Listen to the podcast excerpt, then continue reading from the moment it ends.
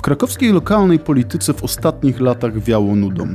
Niepodzielne rządy sprawował Jacek Majchrowski, który w zasadzie nie miał żadnej politycznej konkurencji. Prawo i Sprawiedliwość jest w zasadzie niewybieralna we wszystkich dużych miastach. Platforma Obywatelska od wielu lat jest w cichym, oficjalnym sojuszu z prezydentem w zamian za stanowiska e, i w zamian za udział władzy. Łukasz Gibała nie był w stanie przez te lata zbudować nic większego, co mogłoby zagrozić prezydentowi, a ruchy miejskie tak jak szybko powstają, tak szybko słuch o nich zanika. Krakowska sielanka przemieniła się jednak w poprzednich miesiącach w krakowski ul. Na pewno wstrząsem była afera związana z zatrzymaniem przez CBA ludzi prezydenta sprzed kilku miesięcy.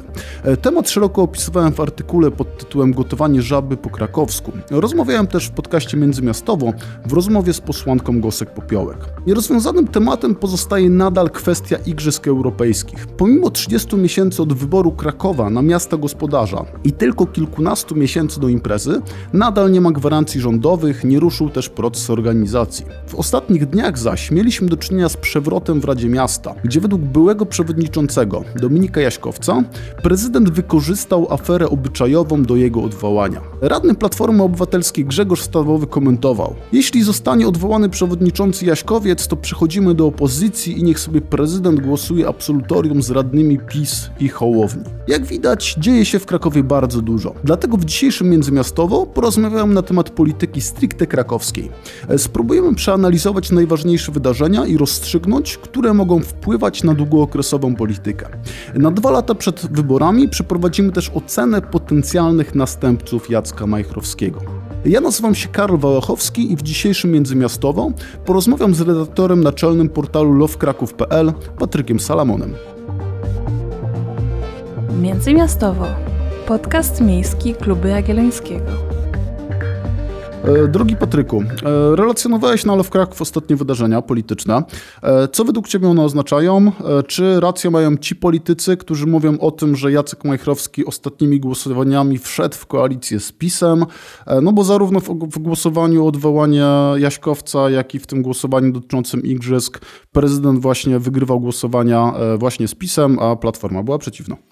Jakby chyba nikt w Krakowie nie jest w stanie uwierzyć w to, że Jacek Majchrowski oficjalnie wejdzie w koalicję z PiSem, ale tutaj słowo oficjalnie jest chyba kluczowe, ponieważ od wielu lat obserwujemy, że Jacek Majchrowski jest w stanie dogadać się z każdym stronnictwem politycznym. Lata temu miał wiceprezydenta Krakowa z Ligi Polskich Rodzin, przewijali się politycy PSL-u, przewijali się politycy SLD. Każda frakcja, tak naprawdę polityczna w Krakowie, e, była już w urzędzie miasta, współrządziła Krakowem i tak naprawdę chyba tylko Konfederacja jeszcze nie, nie rządziła w Krakowie albo nie była w jakim formalnym lub mniej formalnym sojuszu z prezydentem. E, Radni Platformy Obywatelskiej przez ostatnie dni powtarzali, że nigdy nie było formalnej koalicji z prezydentem Majchrowskim. Jednak wiemy, że od lat wspierają się. Ciężko też wykluczyć, wykluczać koalicję Platformy Obywatelskiej, kiedy startują z, z jednej listy, którą firmował prezydent Majchrowski. Więc ta koalicja trwała i według mnie będzie dalej trwała. W tym momencie te wypowiedzi, które zacytowałeś, a wcześniej cytowałeś wypowiedź Grzegorza Stawowego, który mówił, że jeżeli dojdzie do odwołania Dominika Jaśkowca, to Platforma zrywa tą koalicję. Z drugiej strony słyszymy szefa klubu teraz już chyba Platformy Obywatelskiej, bo też doszło do rozpadu tego klubu w Radzie Miasta, e, że tak naprawdę nigdy nie było tej formalnej koalicji, więc panowie chyba muszą między sobą ustalić, czy byli w koalicji, bo jeżeli nie byli w koalicji, to nie mają za bardzo czego zrywać.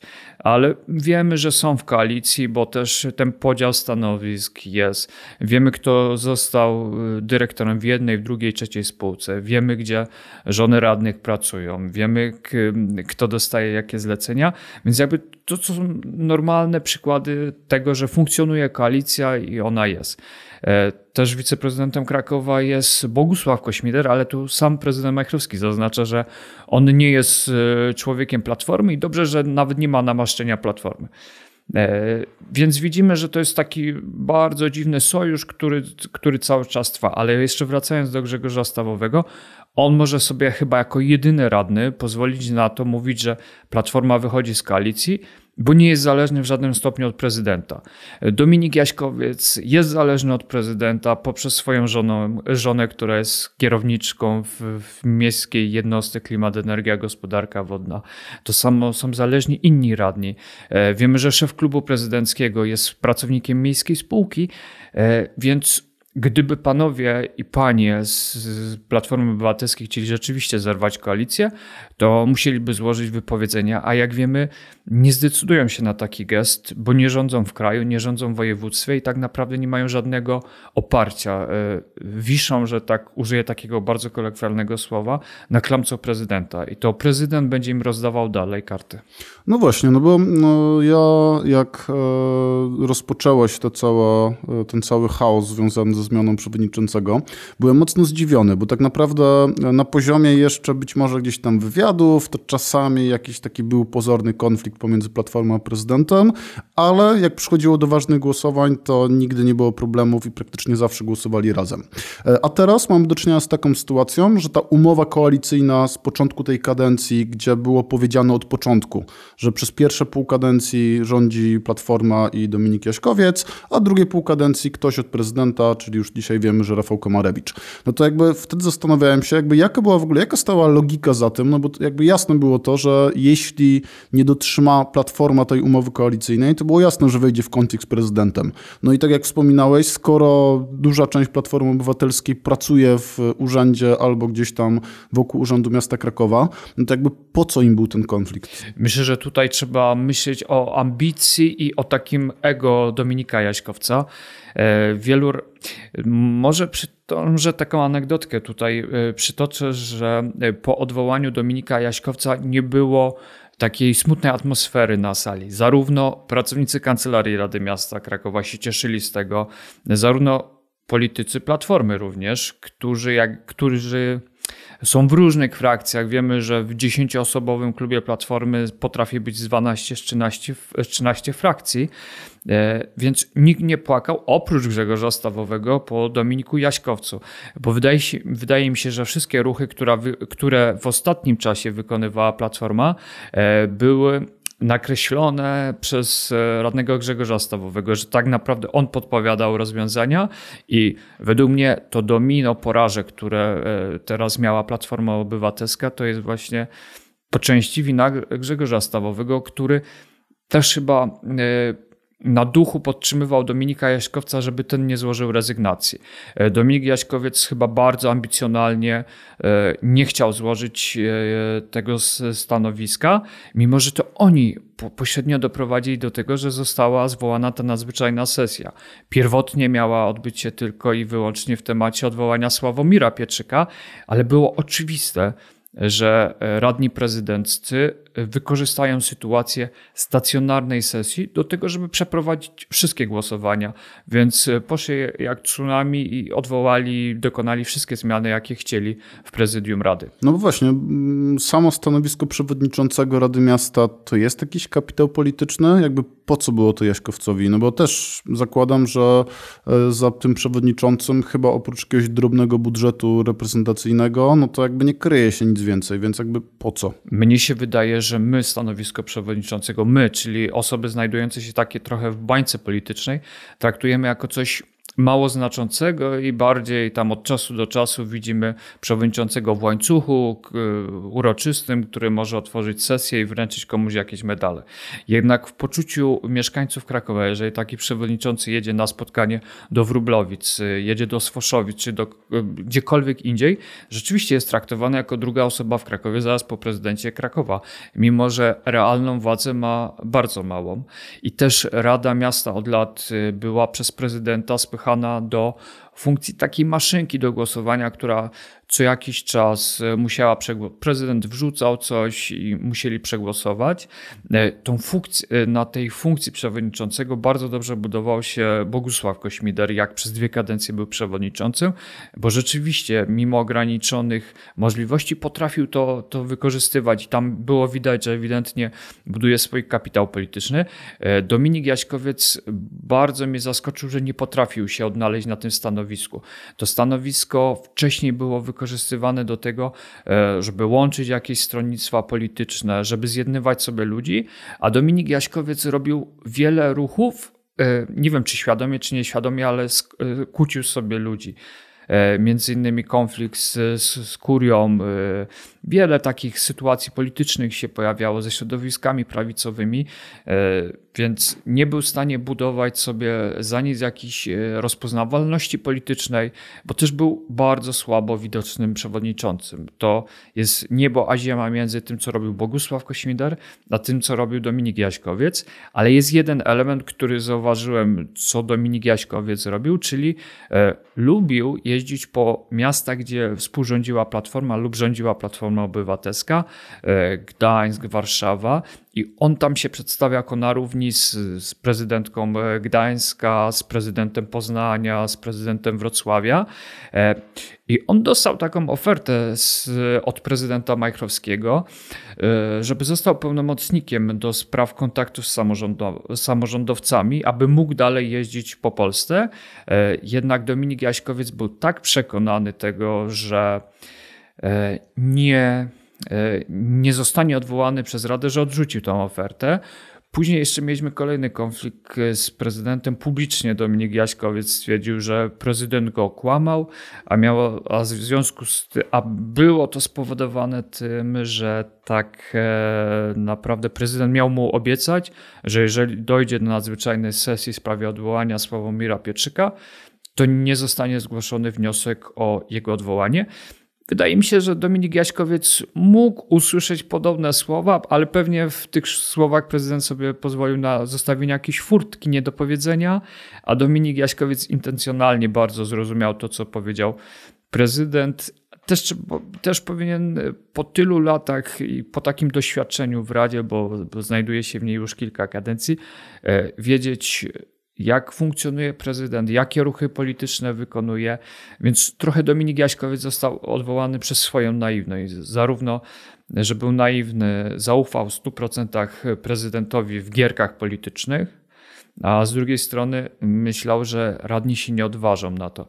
A tak naprawdę nie miał poparcia. Ani w swoim klubie, nie miał poparcia w nowoczesnej, która chyba najbardziej dążyła do tego, żeby odwołać Dominika Jaśkowca, nie miał poparcia w PiSie, nie miał poparcia w przyjaznym Krakowie, więc był taką samotną wyspą, a funkcja przewodniczącego wcześniej nigdy nie była samotną wyspą, a tutaj było widać, że to jest polityk tylko jednej osoby. To jest polityk e, samego siebie. On nie miał żadnego zaplecza politycznego w Radzie. Mhm. A jak w tej sytuacji odnajduje się PiS? No bo tak naprawdę w Radzie Miasta mamy taki trójkąt, gdzie w zasadzie prezydent może sobie dobierać czasami platformę, jak mu wygodniej, czasami PiS, jak właśnie pokazały ostatnie głosowania, więc tak naprawdę prezydent jest tutaj na kierownicy, e, to on decyduje, co się dzieje w mieście. No i gdybym ja był tutaj przedstawicielem PiSu w Radzie Miasta i chciał utrzeć nosa czy to Platformie, czy to e, prezydentowi Majchrowskiemu, no to nie chciałbym wchodzić w żadne jakby tutaj sojusze w głosowaniach ani z tymi, ani z tymi, żeby po prostu przeszkadzać im w pewien sposób. Więc jakby dlaczego PiS idzie na to właśnie tutaj w tych ostatnich tematach? Dlaczego jakby, jaka jest ich w ogóle perspektywa? Dlaczego chcą wchodzić w te tematy z Jackiem Majchrowskim? No bo ja też, e, jak przypominam sobie, no to e, w ostatnim czasie mieliśmy też taką dużą konferencję, gdzie Małgorzata Wasserman występowała na konferencji z Jackiem Majchrowskim. E, chyba przy tym, jak były pieniądze na Centrum Muzyki zagwarantowane przez rząd, no to, to też było dla mnie trochę niezrozumiałe, jakby dlaczego to robią. E, gdzie tam niezrozumiałe? to jakby jest to, jest, to są bardzo oczywiste ruchy, które są wykonywane. Jakby nigdy w Krakowie PiS nie szedł na zwarcie z prezydentem Majchrowskim. To trzeba prześledzić jakby poprzednie lata. E, wystawienie e, Marka Lasoty na kandydata na prezydenta Krakowa, który był taki po części nijaki, został później nagrodzony po tej kampanii e, przez prezydenta Majchrowskiego stanowiskiem dyrektora Muzeum Armii Krajowej. Później mieliśmy Małgorzatę Wasserman, która prowadziła wyjątkowo słabą kampanię. Jak pokazała, jest w stanie wystąpić na konferencji z prezydentem Majchrowskim. Też za bardzo nie atakowała prezydenta nigdy, więc to wszystko jakby było na takim poziomie dosyć dużej gabinetowej współpracy, bo no nie możemy mówić, że to jest oficjalna współpraca, ale radni PiSu świetnie dogadują się z prezydentem. E, oficjalnie mówią, że prezydent nic e, nie uwzględnia w budżecie z ich poprawek, że są dyskryminowani, a tak naprawdę jak popatrzymy na takie karteczki, które radni składają prezydentowi przy okazji, mm, e, przy okazji konstruowania budżetu, to myślę, że z 70% ich propozycji jest uwzględnianych. One po części powielają się z propozycjami, które na przykład zgłaszają radni Platformy czy Przyjaznego Krakowa, więc jakby prezydent równomiernie rozdaje mm, każdemu, więc jakby każdy coś tam otrzymuje, więc jakiś ma dług wdzięczności. I tak naprawdę w PiSie nie mamy realnej opozycji. No, może poza Michałem Drewnickim, który rzeczywiście od czasu do czasu e, prezydenta atakuje, a tak naprawdę wszyscy albo siedzą cicho, albo jak sobie pozwalają na jakieś e, komentarze, to one nie są specjalnie ani złośliwe, ani też jakoś strasznie krytyczne. Mówię, że nieintuicyjne z tego względu, że z perspektywy takiego wyborcy typowego pisowskiego, no to powiedzmy prezydent Majchrowski uosabia wszystko, e, czym PiS nie chce być, czyli były członek SLD, wywodzący się z PZPR-u, bardzo długo na stanowisku i tak dalej, i tak dalej, więc z perspektywy wyborcy PiSu to jest w ogóle nieintuicyjne sojusz. Ale wydaje mi się, że ten prezydent Machrowski jest taki naj, chyba najbardziej konserwatywnym prezydentem z, ze wszystkich prezydentów największych miast. Że on tak naprawdę, ta jego lewicowość to w tym momencie już jest po części fikcyjna, bo prawie w niczym się e, nie przedstawia. E, wszystkie kwestie światopoglądowe, które podnosi e, Aleksandra Dulkiewicz, które podnosi prezydent Poznania, które, o których mówi Rafał Trzaskowski, nie znajdują odzwierciedlenia w tym, co robi Jacek Majchrowski. E, z jednej strony mamy protest samorządowców, przemasz przez Warszawę pod przewodnictwem Rafała Trzaskowskiego w sprawie polityki rządu, a e, Jacek Majchrowski siedzi spokojnie u siebie w gabinecie i mówi, a po co mam tam jechać? Przecież to tak nic nie zmieni. Prezydent woli zaprosić do siebie Mateusza Morawieckiego, z którym porozmawia na temat e, pieniędzy, tego ile Kraków może otrzymać. Przez to PiS też jest, e, PiS za bardzo nie ma jak krytykować prezydenta, no bo skoro premier się spotyka, czy nawet prezes Kaczyński spotyka się, i to też jest chyba bardzo dużo pokazuje, że prezydent nie jeździ do Warszawy, tylko ci politycy przyjeżdżają do niego. No tak, przeszliśmy tutaj bardzo gładko na temat pieniędzy i Igrzysk Europejskich. E, no bo prawie trzy lata temu padła decyzja o tym, że Kraków będzie jednym z miast e, gospodarzy e, tych Igrzysk Europejskich. Minęły prawie trzy lata. Początkowo do Krakowa miało trafić 1,6 miliarda złotych, bo takie były na początku szacunki. Teraz już wiemy, że ta, ta kwota stopniała teraz już mniej więcej do pół miliarda złotych na różne inwestycje, chociaż nadal nie mamy gwarancji. Impreza się zbliża, nadal mamy, nie mamy nic organizacyjnie, nie wiadomo jak to będzie wyglądać. Ryzyko niepowodzenia jakby rośnie z każdym dniem, e, dalej e, trwa duże zamieszanie. Prezydent za każdym razem jak przyjeżdża z Warszawy wraca w zasadzie na tarczy, no bo nadal nic nie ma twardo podpisane, a nadal musi tutaj twardo lokalnie bronić tej imprezy. E, czemu Jacek Majchrowski dalej w to brnie? No bo zakładam, że już musi nadejść jakiś taki moment. Ten moment miał nadejść na początku we wrześniu, potem w październiku, potem w listopadzie. Teraz słyszymy, że już niebawem, więc jakby cały czas ta strona rządowa jakby przeciąga tą imprezę, e, to zwiększając to ryzyko właśnie na prezydenta. Ja raz prywatnie rozmawiałem z prezydentem i się też spytałem, bo za bardzo nie rozumiałem tego uporu, z, z, do którym prezydent dąży do, do organizacji igrzysk. I powiedział mi wtedy, że jakby nawet jeżeli będziemy mieli pół miliarda z tego, to warto, żeby Kraków otrzymał takie pieniądze. I myślę, że to jest e, główne uzasadnienie tego. Bardzo pragmatycznie chyba prezydent do tego podchodzi. Tak, tak to wygląda, że e, nie podpisał w tym momencie żadnej umowy, nie wydał żadnych pieniędzy, więc w tym momencie, w tym momencie może zyskać. To wiceprezydent Muzyk e, w środę stwierdził, że Kraków na czysto e, może zyskać na tej imprezie 630 milionów złotych. Zobaczymy, jak ta kwota jeszcze się będzie zmieniać, bo myślę, że się może zmienić e, ale nie wiemy do końca, czy ona będzie na plus, czy będzie na minus jeszcze dla Krakowa. E, bo wiemy, jak PiS potrafi działać w takich e, sytuacjach, że nagle się może okazać, że wrzucą półtora miliarda do Krakowa, powiedzą róbcie co chcecie z tymi pieniędzmi, tylko ma być to zrobione jak najszybciej, jak najlepiej. Macie nieograniczone, możecie robić prawie wszystko z, z prawem, wszystkie narzędzia wykorzystywać, damy wam wszystko, tylko ma być to zorganizowane i ma być to przedstawione jako sukces. Myślę, że tutaj dwie strony, zarówno prezydent Majchrowski, jak i PiS, e, chcą za wszelką cenę zorganizować e, jakiśkolwiek nawet substytut e, olimpiady, e, bo to zarówno znalazło się kiedyś, dosyć kilka lat temu w programie PiSu było, że oni chcieliby zorganizować igrzyska letnie, więc myślę, że tutaj te igrzyska europejskie mają być jakimś takim formą zastępstwa. Prezydent Majchrowski w 2002 roku też chciał i jakby to znajdowało się w ogóle, to od lat było marzenie Krakowa, żeby organizować jakiekolwiek igrzyska, to, przeglądałem stare dokumenty miasta, nawet z 98 roku, i tam już jest wspomnienie o jakichś igrzyskach, o zimowych igrzyskach, e, więc jest takie dążenie. Prezydent, co by nie mówić, jest e, człowiekiem innego pokolenia niż na przykład my, e, gdzie my czujemy, że takie imprezy nie są koniecznie potrzebne w mieście i że jeżeli byśmy chcieli sobie lekkoatletykę na wysokim poziomie oglądnąć, to sobie kupimy bilety tanimi liniami lotniczymi, pojedziemy do Paryża czy gdziekolwiek do jakiegoś innego miasta i sobie oglądniemy i wrócimy to, co nas interesuje. A tutaj y, niestety chyba prezydent myśli, że taka impreza jakby przyciągnie, przyciągnie ludzi. Według mnie nie przyciągnie, bo e, sam byłem e, w Mińsku na Igrzyskach Europejskich, ale wykorzystywaliśmy to tylko i wyłącznie dlatego, że za grosze, czy tam nawet za darmo można było dostać wizę, aby wjechać na Białoruś i tak naprawdę pozwiedzać, a w ani jednym wydarzeniu sportowym nie uczestniczyliśmy. Więc zobaczymy, jak to będzie w Krakowie wyglądać, czy rzeczywiście uda się to zorganizować na jakimkolwiek poziomie, chociaż tu słowo, czy uda się w ogóle to zorganizować, jest kluczowe, bo ja też nie jestem w 100% przekonany, czy za, tam za półtora roku będziemy w Krakowie kościć tą imprezę, czy to się nie skończy na tym, że wszyscy rzucą to i nikt nie będzie tego organizował.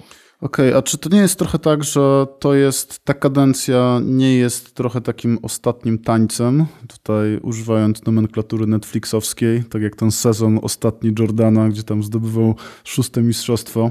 Czy to nie jest tak, że właśnie ta kadencja jest tym last dance, gdzie właśnie na samym początku prezydent zaczyna właśnie od przekonania go, że jednak kupuje wesołą i jednak coś tam robi, pomimo tego, że nie chciał tego robić i ludzie wokół niego nie chcieli tego, to jednak podjął decyzję i to zrobił i teraz na tej wesołej coś tam powstaje. To już to chyba to nie jest temat na dzisiejszą rozmowę, aby to oceniać.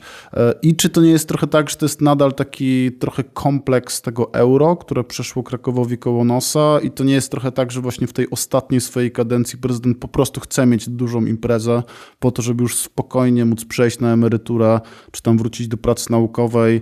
E, nie, nie właśnie nie stanowić takiego prezydenta w książce historycznej już nie będąc takim prezydentem, który bardzo się starał, ale mu się nie udało, tylko jednak dowiózł ten temat i to jest po prostu czysto ambicjonalne?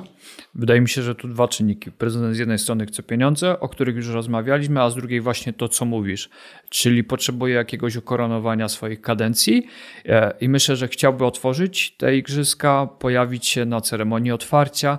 Wiemy, że zawsze bardzo ładnie to e, wygląda, ale czy prezydent kończy już e, swoje urzędowanie? Nie byłbym taki pewien. No właśnie, bo jest czwartek. E, wczoraj była rozmowa w TVP Kraków e, z prezydentem Majchrowskim. E, jak zawsze padło to samo pytanie, czyli czy wystartuje w kolejnej kadencji. Prezydent powiedział chyba prawdę, czyli powiedział, że nie wie. Jak według ciebie to może wyglądać? Bo chyba teraz jest dobry moment, żeby już przejść do dyskusji o tym, jak ta gra o tron krakowska może wyglądać, no bo mamy dwa lata do wyborów mniej więcej, czyli kto potencjalnie może zastąpić prezydenta. To może zacznijmy właśnie od prezydenta. Czy wystartuje? Według mnie wystartuje. Jakby przez e, półtora roku e, wykonywał i oddawał swoje kompetencje zastępcom, dyrektorom magistratu i tak naprawdę średnio angażował się w to, co dzieje się w mieście. Oczywiście angażował się, ale to na takim bardzo minimalnym poziomie, a w pewnym momencie, tak gdzieś około z rok, z 8-9 miesięcy temu, rzeczywiście doszło do dużej zmiany w prezydencie, że e, znów stał się e, takim liderem politycznym, takim liderem miasta, e, bo wcześniej jakby tak naprawdę przynajmniej współpracownicy prezydenta przedstawiali taki obraz, że prezydent siedzi, a tak naprawdę miastem rządzi prezydent Andrzej Kulik. A teraz widać, że rzeczywiście znowu stał się tym krakowskim samcem alfa. I to on rozdaje karty, to on decyduje o tym, to do niego znowu zaczęli przychodzić o przeróżne rzeczy e, radni, urzędnicy i całe towarzystwo polityczne.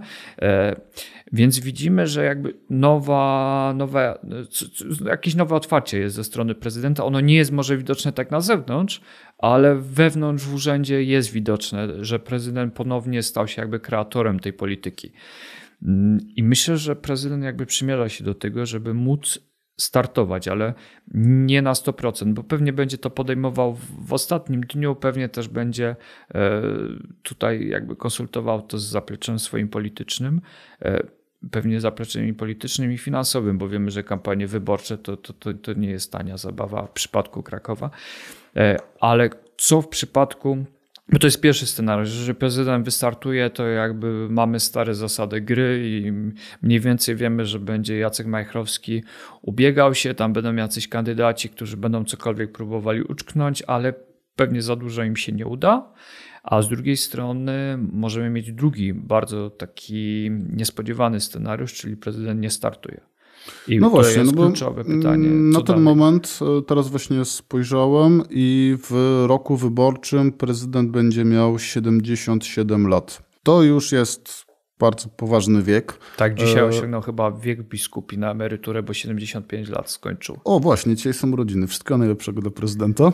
E, za dwa lata będzie 77, to już jest poważny wiek. E, też w ostatnich powiedzmy dwóch latach, nie wiem na ile to są fakty, na ile to są plotki, ale ja słyszałem, że prezydent miał sporo problemów zdrowotnych. Miał problemy zdrowotne, Często ale właśnie jakby... nie było go w urzędzie. Też dlatego trochę był taki okres czasu, że że było poczucie, że w mieście raczej rządzi e, prezydent Kulik z, z prezydentem Kośmidrem, że tam raczej jest prawdziwa władza. E, takie były plotki, przynajmniej takie do, do mnie docierały. No więc teraz na, tutaj na, na tą dyskusję, e, na ten podcast możemy uznać, że jednak może nie wystartuje. To co się wtedy wydarzy? No bo tak, na pewno pewnie błogosławieństwo prezydenta będzie coś oznaczać. No bo skoro tyle rządzi, no to być może nie będziemy mieli powtórki scenariusza Rzeszowskiego. Właśnie ja się zastanawiam, czy, znaczy... czy, czy, namaszczenie właśnie mhm. prezydenta spowoduje jakieś e, punkty procentowe, przyrost jakichś punktów procentowych u potencjalnego kandydata. Bo wcześniej byłem o tym przekonany, że takie namaszczenie gwarantuje, że przynajmniej się wchodzi tam do drugiej tury, ale Rzeszów nam pokazał, że Tadeusz Ferenc z gigantycznym poparciem i tak naprawdę wygrywający w pierwszych turach. A prezydent Machrowski zawsze wygrywał w drugich turach, więc to poparcie miał słabsze. Czy to namaszczenie coś znaczy?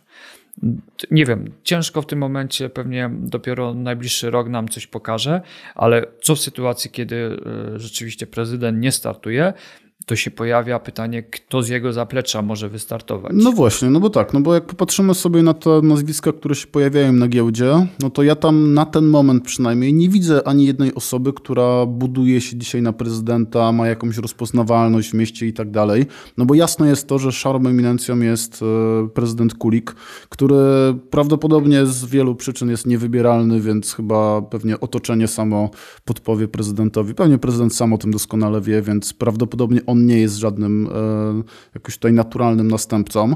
E, na giełdzie nazwisk pojawia się też e, Bogusław Kośmider, który prawdopodobnie z tego zaplecza prezydenckiego jest najbardziej znany, wieloletni przewodniczący, też prawdopodobnie też, też jego wiek, doświadczenie i tak dalej mogą oznaczać, że to będzie jakaś taka kontynuacja tego, co się dzieje w to, co się działo do tej pory.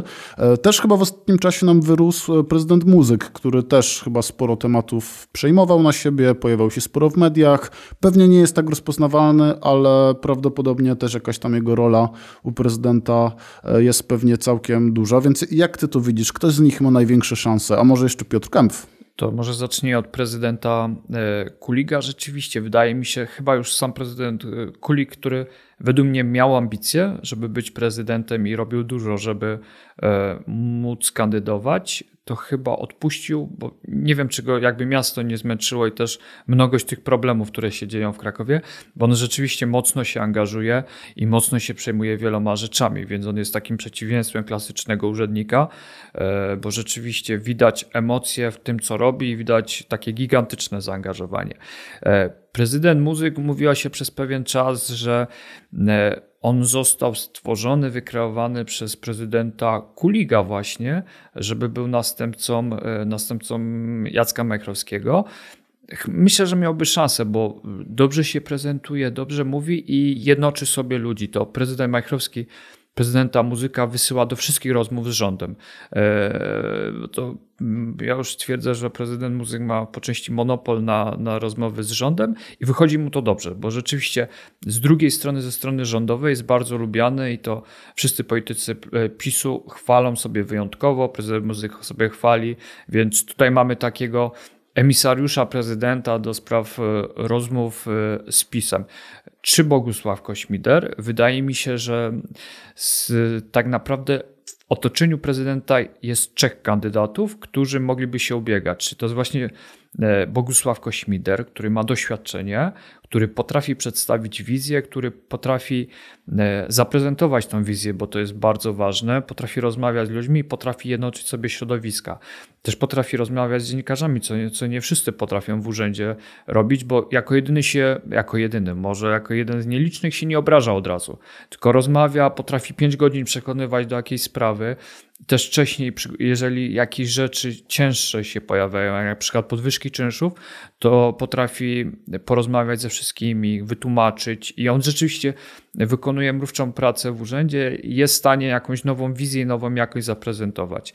E, mamy jeszcze Rafała Komarycza, ja bym tutaj nie zapominał, e, chyba nieprzypadkowo został przewodniczącym e, Rady, i on też może wystartować. Tutaj by pewnie był jakiś sojusz z partią Hołowni. I myślę, że Rafał Komarewicz po części by chciał, ale pewnie by chciał, jeżeli prezydent Majchrowski nie będzie e, startował, bo mocno jest lojalny do prezydenta, e, w stosunku do prezydenta Majchrowskiego. E, pojawia się Piotr Kęp, który też chce. To widać, że wykonuje wiele ruchów, chciał zostać wiceprezydentem, ale niestety mu się to jeszcze, jeszcze mu się to nie udało. Mamy trzech kandydatów z otoczenia prezydenta, które brałbym pod uwagę, a reszty bym na razie nie brał. Ale dlaczego oni się jakby nie kreują na kandydatów? Bo widać, że oni po prostu nie robią nic, żeby się kreować na kandydatów na prezydenta, e, bo myślę, że gdyby poszło albo prezydent namaściłby kogoś już w urzędzie, e, że ten będzie kandydatem, to myślę, że e, druga strona, kilka frakcji mogłoby go zagryźć w urzędzie. Mhm. I dlatego jakby nie ma namaszczenia, myślę, że do samego końca, jeżeli prezydent nie będzie startował, to tego namaszczenia jakby nie powinniśmy się spodziewać, to będzie się działo wszystko w ostatnich miesiącach. E, tutaj wystawiłeś laurkę prezydentowi Kośmiderowi, ale też mi się wydaje, że jednak ma dwa duże, ma dwie duże wady. Pierwsza jest taka, że jednak jest mocno kojarzony z tym establishmentem e, prezydenta Majchrowskiego i cała, wszystkie wady prezydenta Majchrowskiego będą też, też utożsamiane z nim, no bo to on był tym najbardziej kojarzonym przewodniczącym Rady Miasta, który właśnie szedł z Jackiem Majchrowskim, potem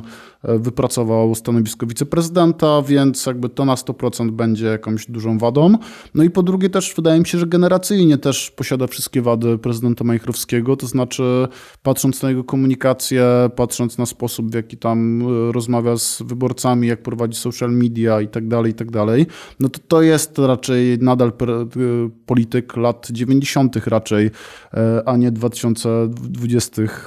Tak przynajmniej ja to widzę, więc jakby też z tej perspektywy wydaje mi się, że nie jest jakimś takim bardzo naturalnym tutaj następcą, chociaż na pewno jest jednym z, z możliwych.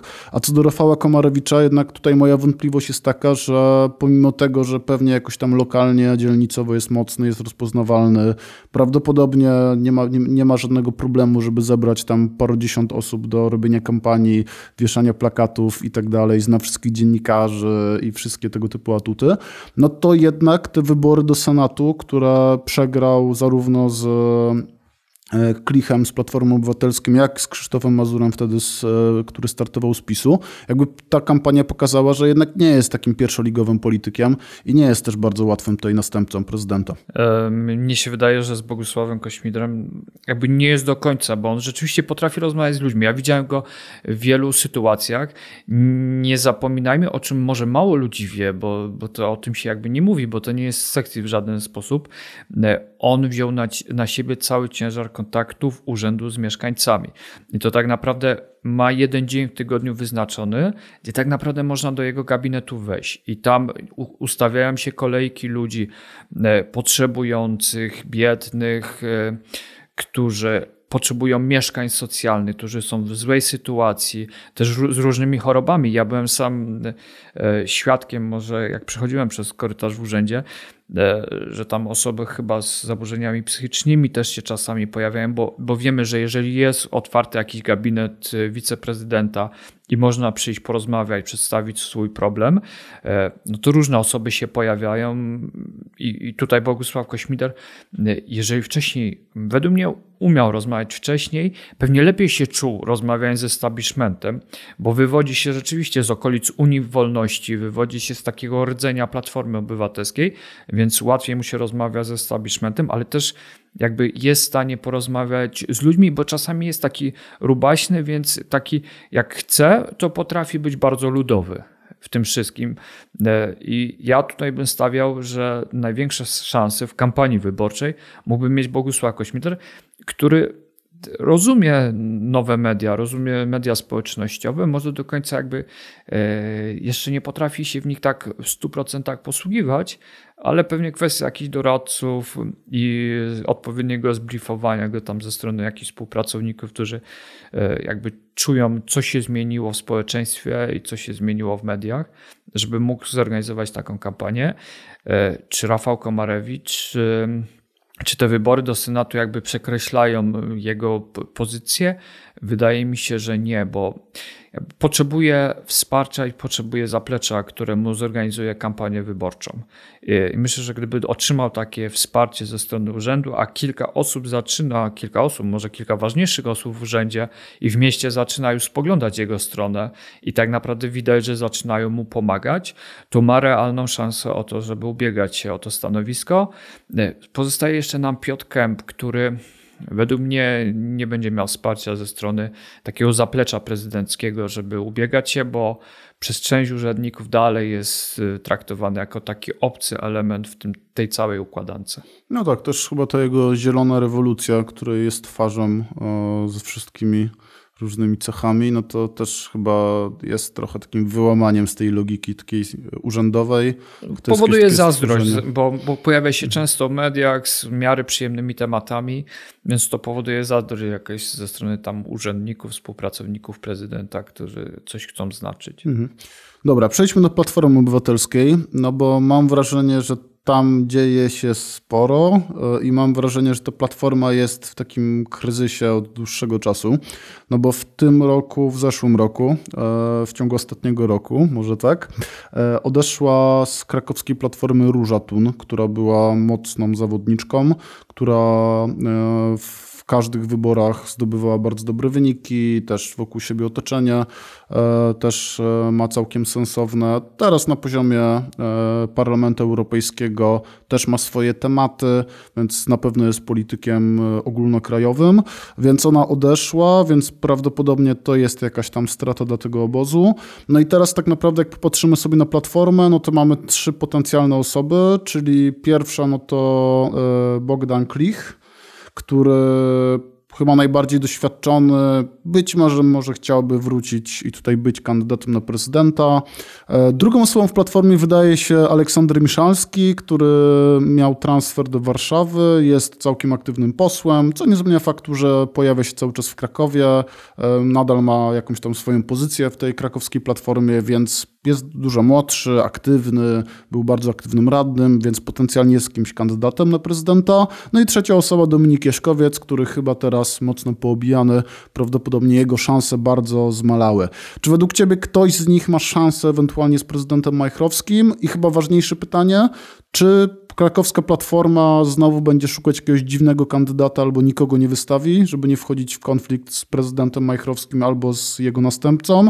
E, czy platforma w końcu będzie realnie chciała się bić o Kraków?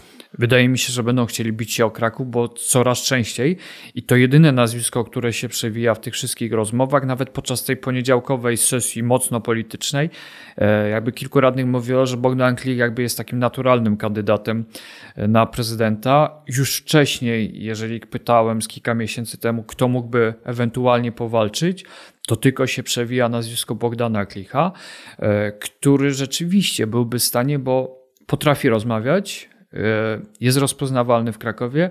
To chyba jedyny widoczny i taki rozpoznawalny lider Platformy w, w, w Krakowie i też Małopolsce. E, ma szansę, wiele kampanii za nim, więc wie jak to się robi. E, I tutaj to Bogdan Klik jakby, ja nie obstawiałbym w tym momencie żadnego innego kandydata oprócz Bogdana Klicha. Wymieniłeś Dominika Jaśkowca, co dla mnie jest takim wielkim zdziwieniem, bo nigdy bym go nie wymienił jako kandydata na prezydenta. Tak jak wcześniej powiedziałem, nie ma żadnego zaplecza politycznego, mocno skonfliktowany z wieloma ludźmi, z wieloma frakcjami w platformie. Nie ma kto mu robić kampanii wyborczej. Mhm. E, Prawo i Sprawiedliwość, tutaj ta giełda nazwisk, e, co wybory praktycznie jest kilka osób, które się pojawiają. E, pewnie jeszcze jakiś czas temu mówilibyśmy o Jarosławie Gowinie, który był, często pojawiał się w mediach jako potencjalny kandydat, trochę centrum, trochę PiSu. Jedna szansa na to, aby właśnie PiS zdobył Kraków. E, więc prawdopodobnie teraz chyba jedne dwie osoby, które ja widzę, no to Małgorzata Wasserman, czyli standardowa kandydatka na prezydenta, e, która chyba nie bardzo chce się o tego prezydenta bić, co nie zmienia faktu, że pewnie z perspektywy logiki jej e, partyjnej e, to jest coś, co będzie musiała zrobić. E, też jest Michał Drewnicki, który był mocno aktywnym radnym. Teraz mam wrażenie, że w ostatnim czasie chyba te sprawy wojewódzkiego bardziej jakoś tam pociągają, zajmują, bo dużo mniej jest go lokalnie. Czy ktoś jeszcze z PiSu? Mógłby... Myślałem, że nie wymienisz nazwiska Michała Drewnickiego i tak myślałem, że ci od razu wrzucę to nazwisko, ale wydaje mi się, że to jest jedyny kandydat, który może realnie zawalczyć.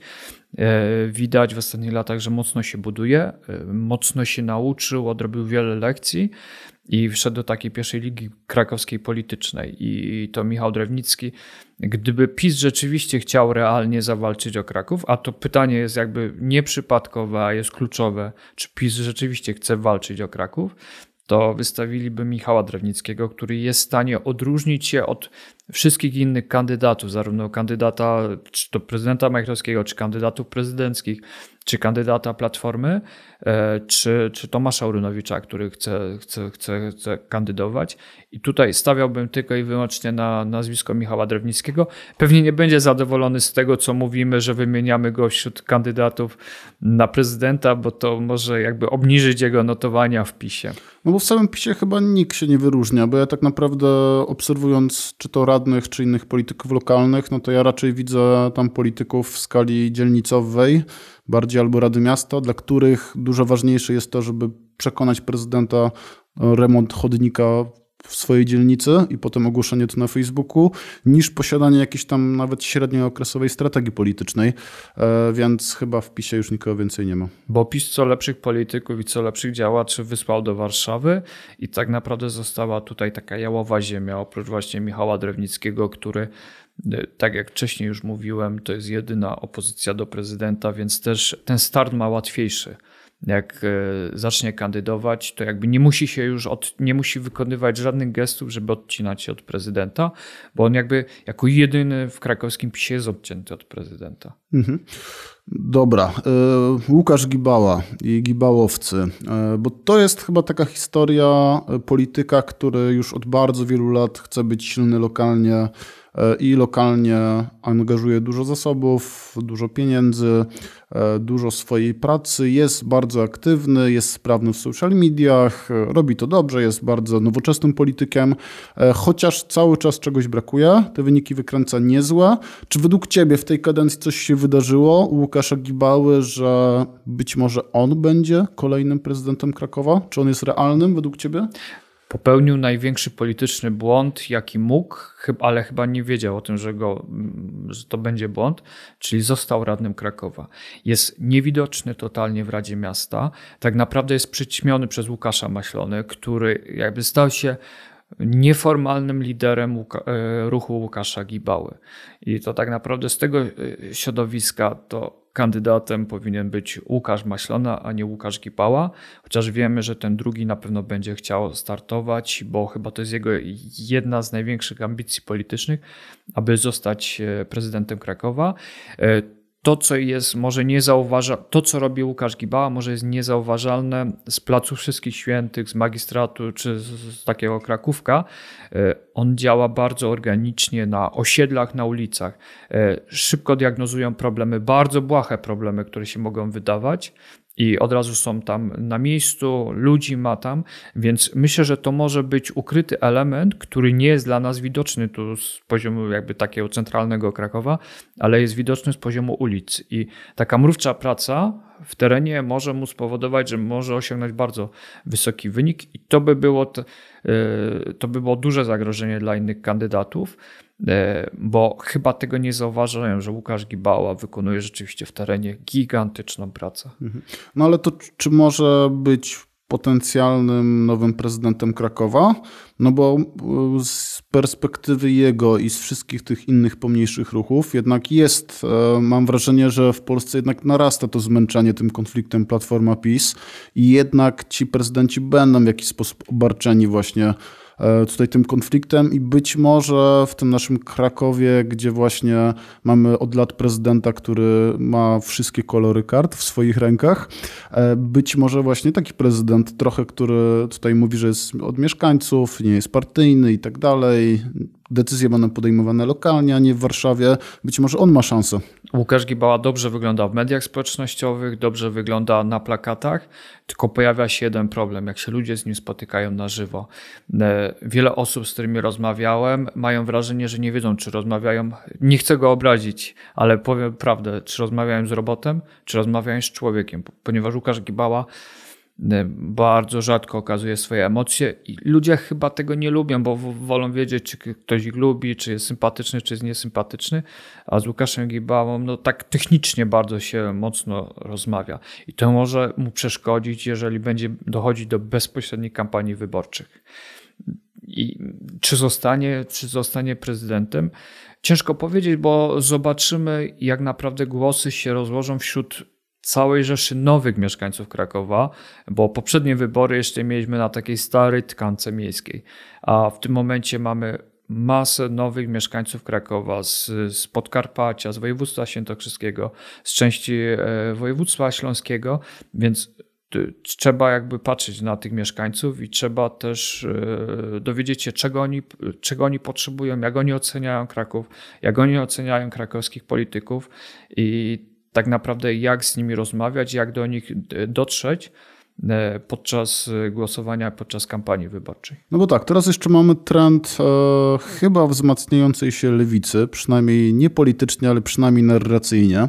No to może skoro jesteśmy dużym miastem, gdzie właśnie prawdopodobnie lewicowców jest zdecydowanie więcej niż w mniejszych ośrodkach, może lewica ma jakiekolwiek szanse, no bo ta lokalna lewica, jak teraz zastanawiam się, no to Chyba z takich nazwisk, które mogą się pojawiać na giełdzie, no to pewnie Daria Gosek-Popiołek. Która... Tylko i wyłącznie to nazwisko, bo tylko ona jakby jest widoczna z lewicy i rzeczywiście to jest taka nowa lewica, która u wielu osób powoduje. E, Nad rozmawiałem ze znajomymi, którzy jakby niezbyt często śledzą tą politykę lokalną, e, którzy mówili, że e, mimo, że mają prawicowe poglądy, to by zaczęli się zastanawiać, czy na Darię Gosek-Popiołek nie głosować, ponieważ ma bardzo nowoczesne podejście do miasta jest zaangażowana, widać, że to u niej są emocje i to takie autentyczne emocje przemawiają.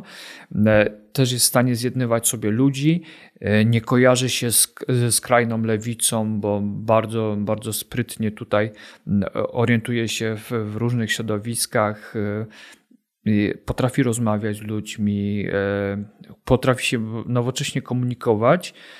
Więc gdyby startowała, to e, myślę, że będzie jedną z ważniejszych osób w tym całym pojedynku, w ubieganiu się o fotę prezydenta, ale co będzie, to mamy jeszcze dwa lata, więc to ciężko wróżyć w tym momencie.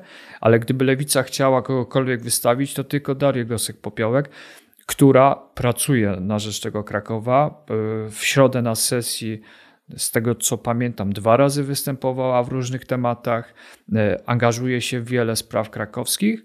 E, to jest chyba jedyny poseł, który w ogóle pojawia się, na, e, pojawia się czy, czy łączy się z, na sesjach Rady Miasta Krakowa. Widać, że ona śledzi te tematy krakowskie. Ma chyba największe rozeznanie w tym, co się dzieje w Krakowie. Okej, okay, a inne ruchy obywatelskie? No bo w, nawet we wstępie wspominałem, że pojawiają się i znikają. W ostatnim czasie mieliśmy do czynienia z założeniem nowego ruchu Tomasza Urynowicza, e, który e, nawet nie wiem jak się nazywa ten ruch. E, też próbowałem się dowiedzieć o co do końca im chodzi i chyba chcą słuchać mieszkańców, jak wszyscy, i chyba nie do końca wiadomo o co chodzi, ale zakładam, że po coś ten ruch jest i chyba Tomasz Urynowicz jakoś tam szuka dalej miejsca swojego w tym politycznym świecie. Czy coś on może znaczyć? Zależy kto go poprze, jakie będzie miał zaplecze podczas kampanii wyborczej. Założył stowarzyszenie, której też mi ciężko sobie przypomnieć nazwę tego stowarzyszenia. Deklarował wiele razy, że jeżeli będą jeden wybory... Kraków, tak? Jeden, jeden Kraków. Kraków, chyba jeden mhm. Kraków, ale e, jakie mają założenia programowe, albo żebym chociaż jedną rzecz wymienił, to ciężko w tym momencie. Jakby nie przebiło się nic e, w tym momencie. E, jedynie na temat Igrzysk Europejskich się wypowiada od czasu do czasu i podnosi te kwestie, które wcześniej zajmował się w Sejmiku, czyli programem ochrony mm, powietrza, ale jakby nie widzę u niego jakiegoś pomysłu na Kraków. No, nie ma. Więc jeżeli on nie będzie miał zaplecza partyjnego, e, to, to nie ma szans bić się. No, to, to jakby potrzebna jest machina, która e, zaplecze pieniądze, które no, potrzebne jest milion złotych, żeby w ogóle myśleć o prezydenturze Krakowa, o jakiejkolwiek nawet podstawowej kampanii wyborczej. Wiem, że nikt tego nie potwierdzi, że potrzebny jest minimum milion, no ale większość wie, że to nie jest tania zabawa. Czy sugerujesz, że wszyscy łamią tą ustawę tak, wyborczą? Myślę, że nawet Państwowa Komisja Wyborcza wie, że, że limity finansowe kampanii wyborczych są fikcją. Mhm. Dobra, ja ostatnio śledzę akcję ratunkową do Krakowa. Nawet Maciej Fijak był gościem międzymiastowo e, kilka odcinków temu. E, I jestem pod wrażeniem, bo jednak oni całkiem sprawnie nowe tematy wrzucają do agendy publicznej, patrząc też na wydarzenia, które organizują, są w stanie zbierać realnych mieszkańców. E, podłapali tą antyprezydencką emocję tutaj w Krakowie e, tak jak obserwuję ich, to tak naprawdę zastanawiam się, czy to oni nie mogą być takim ruchem, który właśnie wprowadzi kilku radnych. Jak ty się zapatrujesz w ogóle na nich, na ich szanse potencjalne wzięli, wzięli masę tematów, które wcześniej e, należały e, do Łukasza Gibały, więc to widać, że oni jakby odbierają całe paliwo Łukaszowi Gibale i są bardzo sprawni organizacyjnie, podchodzą do tego wyjątkowo nowocześnie. Więc są na plus, potrafią rozmawiać z ludźmi, potrafią diagnozować problemy, szybko je przekładać. E, widać, że są przygotowani do tego, co robią. E, mają wiele rzeczy posprawdzanych. E, organizacyjnie wydaje mi się, że nie jest to wbrew pozorom duża grupa, ale rzeczywiście bardzo skuteczna, bardzo to jest pokładane. Czy będą, mieli, czy będą w stanie wyklarować ze swojego środowiska kandydata na prezydenta? Szczerze wątpię, ponieważ to musi być jeden lider, który się wybija. Tu rzeczywiście Maciej Fijak trochę się wybija, ale to chyba jest za mało, żeby zostać kandydatem na prezydenta. Ja mówię, potrzebne są pieniądze w takich kampaniach wyborczych, bo nawet same billboardy na mieście kosztują bardzo dużo, a nie mówiąc już o ulotkach, o spotach i o wszystkim, całej otoczce tego wszystkiego. Więc e, niestety gorzka prawda jest taka, że jak się nie ma pieniędzy, to nie będzie się kandydatem na prezydenta. No ale też prawdopodobnie te trzy ostatnie ruchy, o których e, wspominaliśmy, no to mogą być takim dodatkiem do którychś wyborów, no bo jestem w stanie sobie wyobrazić swobodnie, że na przykład ta akcja ratunkowa dla Krakowa startuje czy to z Lewicą, czy z Gibałą, czy nawet może z Platformą, no nie, może tego Nie, sobie nie ale gdyby akcja ratunkowa dla Krakowa połączyła siły z Darią Gosek-Popiołek, to myślę, że razem by mogli utworzyć e, bardzo skuteczny sojusz, aby, aby zawalczyć o głosy krakowian. Dobrze, szanowni państwo, dziękuję bardzo za dzisiejszą rozmowę. To wszystko w dzisiejszym Międzymiastowo. Na pewno będziemy do tematu wyborów w Krakowie wracać, jeszcze pewnie wielokrotnie. E, Zachęcam do subskrypcji e, na e, waszych ulubionych platformach podcastowych. Dziękuję bardzo. Międzymiastowo. Podcast miejski Kluby Jagiellońskiego. W dzisiejszym odcinku to już wszystko. Produkcja tego odcinka została sfinansowana ze środków otrzymanych w ramach Programu Rozwoju Organizacji Obywatelskich na lata 2018-2030, których operatorem jest Narodowy Instytut Dany Wolności, Centrum rozwijać nie tylko nasz podcast, ale inne działania w tematyce miejskiej na portalu klubjagielloński.pl.